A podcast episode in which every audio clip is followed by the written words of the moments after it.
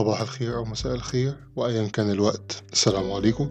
انتهى كابوس كورونا والحمد لله وبدأنا نفكر في كل حاجة إحنا كنا متخيلين إننا ما نقدرش نستغنى عنها. اتفاجئنا إن في حاجات كتير قوي مش فارقة في حياتنا واكتشفنا إن في حاجات أهم بكتير هي اللي كان المفروض نهتم بيها ونحافظ عليها. وقت الجد طلع إن في أشكال غريبة كتير قوي من اللي كنا طالعين بيها السما ملهاش أي لازمة وتأثير في حياتنا. وإن احتياجنا الحقيقي للعلم وللثقافة وللحضارة وإننا نكون شعب متحضر بجد. اكتشفنا إن وقتنا ممكن نستغله في حاجات تانية أهم بكتير من القهوة والكافيه والخروجات والسهر. إزاي نتعلم وإزاي نتواصل ونتفاهم ونتعاون مع بعض؟ إزاي نخاف على بعض والأهم من ده كله؟ إزاي ما نضرش بعض؟ اتعلمنا إزاي نغير حاجات كتير في سلوكياتنا وفي عاداتنا وتعلمنا إننا نبص لقدام ونتعلم من أخطائنا وما نكررهاش تاني. على فكرة ده مش حلم ده ثقة في إن ربنا سبحانه وتعالى هيعدينا من الأزمة دي. بس ناخد بالأسباب. لكل واحد بيسمعني